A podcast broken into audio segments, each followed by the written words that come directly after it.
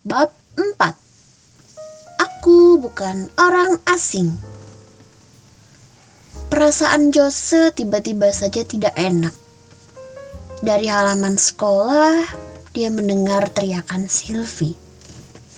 Sisa makan siangnya ia tinggalkan begitu saja. Halaman sekolah cukup ramai di istirahat kedua. Terlihat Sylvie berhadapan dengan Adi anak nakal yang mirip tokoh Giant dalam serial kartun Doraemon itu merampas kotak bekal Sylvie. Ikan woku, teriaknya keras-keras. Payah, bekal anak direktur cuma ini. Sylvie gemetar ketakutan. Ia mengawasi Adi yang melempar kotak bekalnya dan menjejalkannya dengan kaos kaki. Hatinya terasa sakit. Bukan karena Sylvie teringat bekalnya yang dirusak atau karena Adi yang mengejek bekalnya.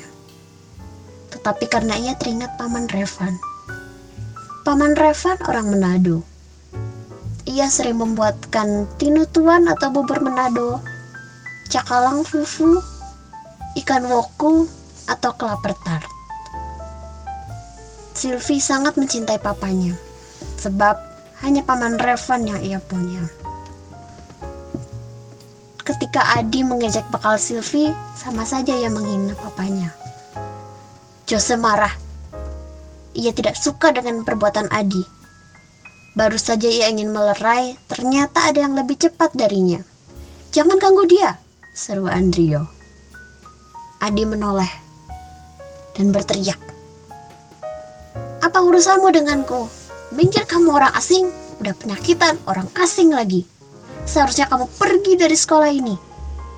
Sambil berkata begitu, Adi memukul perut Andrio dan mendorongnya hingga jatuh.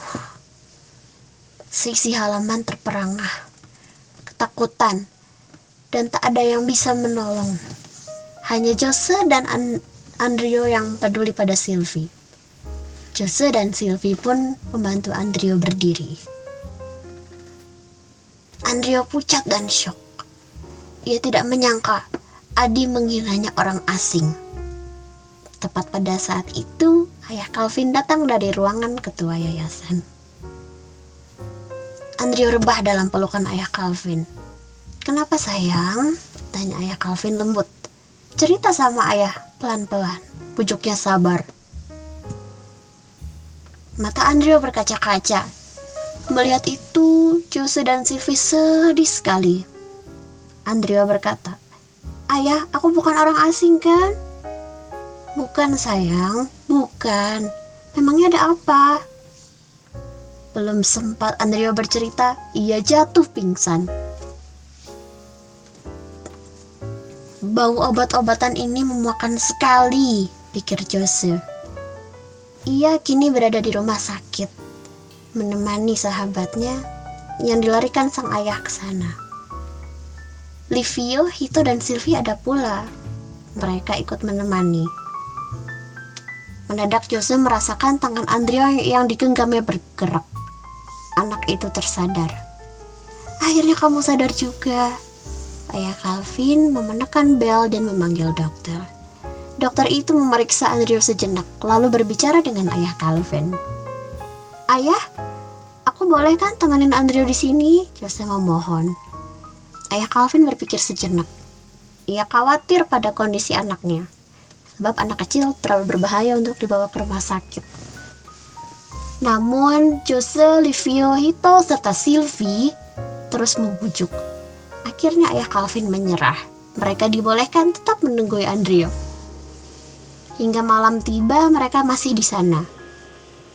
Jose dan ketiga temannya sibuk mengerjakan PR. Andrio menatap mereka dari atas ranjang dengan iri.